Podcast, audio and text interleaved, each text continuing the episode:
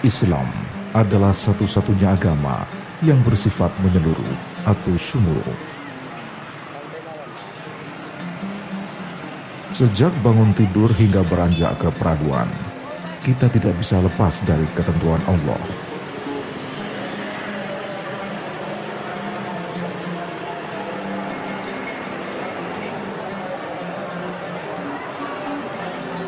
Dalam ruang lingkup yang lebih luas, Islam mengatur segala aspek kehidupan, mulai dari sosial, politik, ekonomi, budaya, hukum, kemasyarakatan, bahkan masalah pengobatan atau farmasi.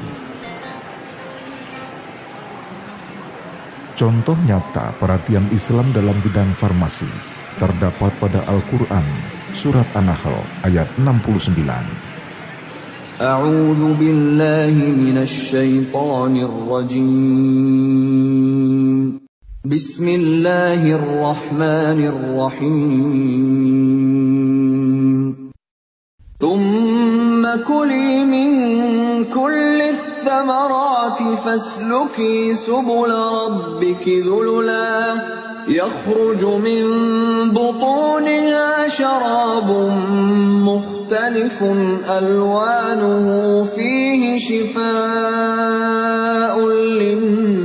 للناس إن في ذلك لآية لقوم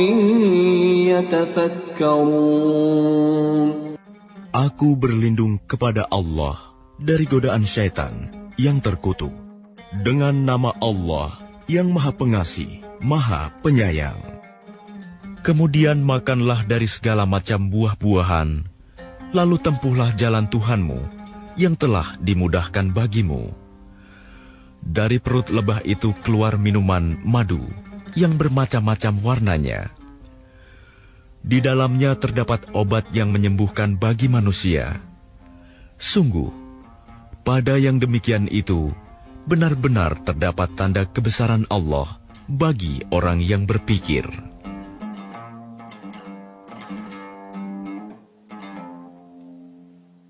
Tokoh farmasi Islam Al-Biruni dalam bukunya Al-Saidanah fi Al-Tib menyatakan, farmasi adalah seni untuk mengenali jenis, bentuk, dan sifat-sifat fisika dari suatu bahan, serta seni mengetahui bagaimana mengolahnya menjadi obat sesuai resep dokter.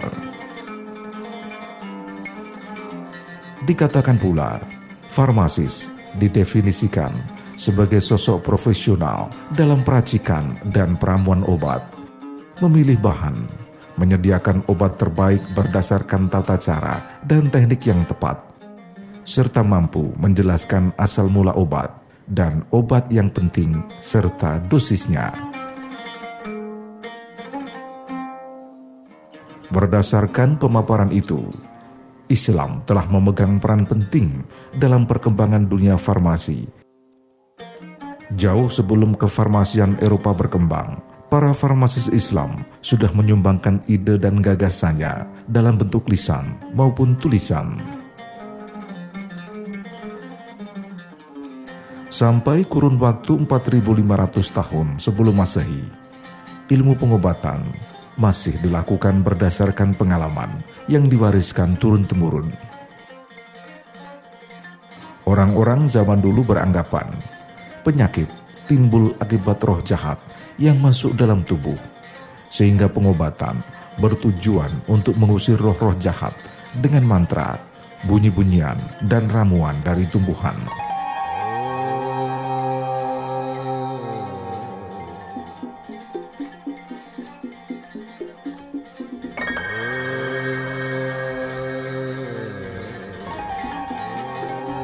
Pengetahuan tentang pengobatan mulai berkembang di Mesir dengan ditemukannya papirus Ebers sekitar 1500 tahun sebelum Masehi. Papirus Ebers adalah catatan yang berisi lebih dari 800 formula pengobatan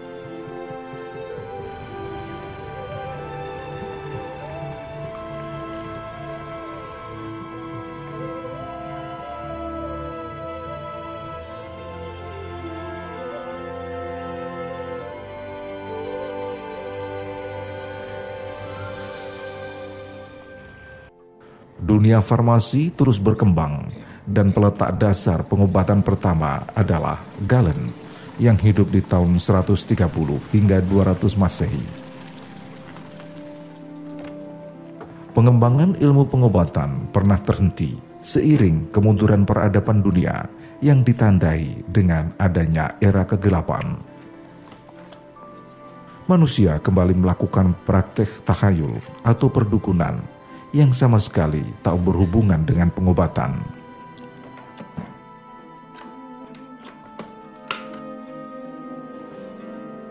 Kebangkitan peradaban dunia ditandai dengan turunnya Al-Quranul Karim pada Nabi Muhammad SAW. Metode pengobatan dalam Islam yang terkenal sampai saat ini, Al-Tib An-Nabawi atau pengobatan cara Nabi Muhammad SAW. Para tabib muslim meniru Rasulullah Shallallahu alaihi wasallam serta berpedoman pada Al-Qur'an dan hadis. Misalnya dengan mengatur pola makan dan minum, air putih untuk pengobatan, madu, susu murni, kurma, biji jintan hitam, serta bahan-bahan herbal lainnya. Rasulullah Shallallahu Alaihi Wasallam memerintahkan umatnya berobat dengan bahan yang halal dan melarang dari yang haram.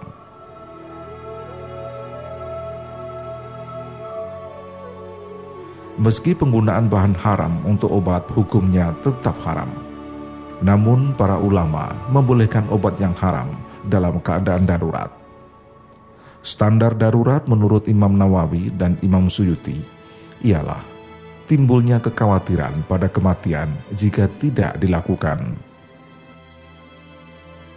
Bahan-bahan yang haram yang sering dipakai dalam produk farmasi adalah babi dan khamar.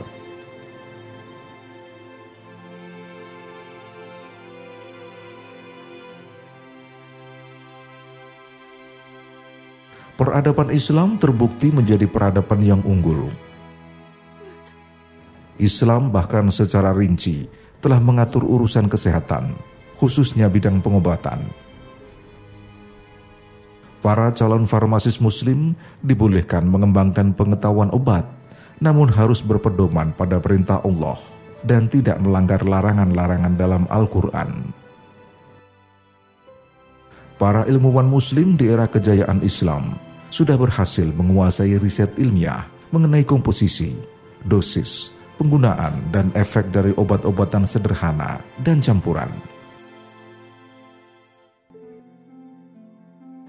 Selain menguasai bidang farmasi, masyarakat Muslim tercatat sebagai peradaban pertama yang mempunyai dan memanfaatkan apotek atau toko obat.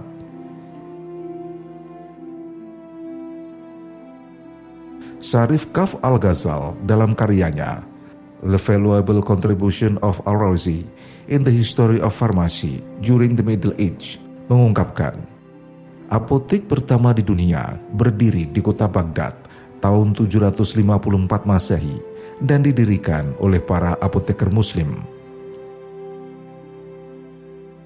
Howard R. Tanner dalam bukunya Science in Medieval Islam menyatakan, umat Islamlah yang mendirikan warung pengobatan pertama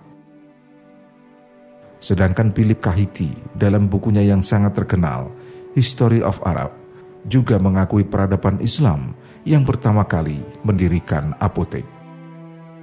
Selain itu, peradaban Islam juga merupakan pendiri sekolah farmasi yang pertama. Philip Kahiti juga membuktikan Muslim di era kekhalifahan sebagai pencipta farmasiopia yang pertama. Menurut Philip Kahiti, Kemajuan peradaban Islam dalam dunia farmasi dan apotek ditopang oleh banyaknya buku farmakologi yang ditulis ilmuwan muslim. Buku farmakologi pertama di dunia Islam ditulis oleh Jabir bin Hayam. Selain itu, ada pula karya Al-Razi, Ibnu Sina, At-Tabari, dan Majusi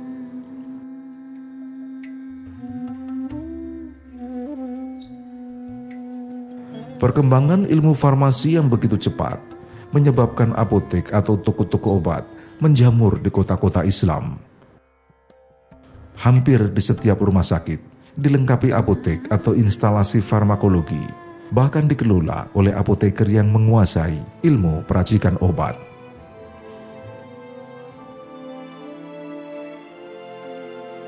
Toko obat tak hanya muncul di Baghdad sebagai kota metropolis dunia di era kejayaan Abbasiyah, tapi juga di kota-kota Islam lainnya Para ahli farmasi ketika itu sudah mulai mendirikan apotek sendiri, serta menggunakan keahliannya untuk meracik, menyimpan, serta menjaga aneka obat-obatan. Pemerintah Muslim sangat mendukung pembangunan di bidang farmasi.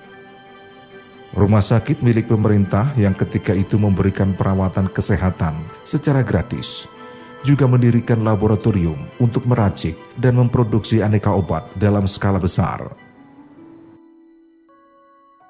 Keamanan obat-obat yang dijual di apotek diawasi dengan ketat, dan secara periodik pemerintah melalui pejabat dari Al-Muhtasib, semacam badan pengawas obat-obatan, terus mengawasi dan memeriksa seluruh toko obat dan apotek.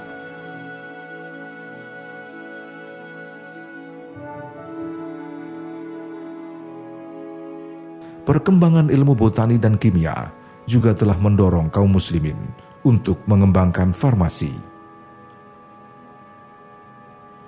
Dokter dan ahli farmasi muslim lainnya adalah Abu Al-Qasim Al-Zahrawi, Sabur Ibnu Sahal, Al-Biruni, Al-Maridini dan Ibnu Al-Wafid, Abu Jafar Al-Gafigi, Yuhana Ibnu Musawai, dan Abu Hasan Ali bin Sahal Rabban At-Tobari.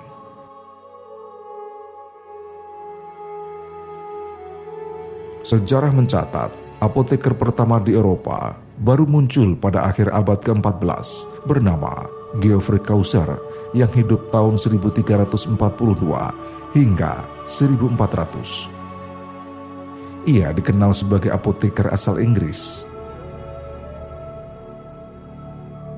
Apotek mulai menyebar di Eropa setelah 500 tahun para ilmuwan muslim mengembangkan farmasi tepatnya pada abad ke-15 hingga abad ke-19 Masehi.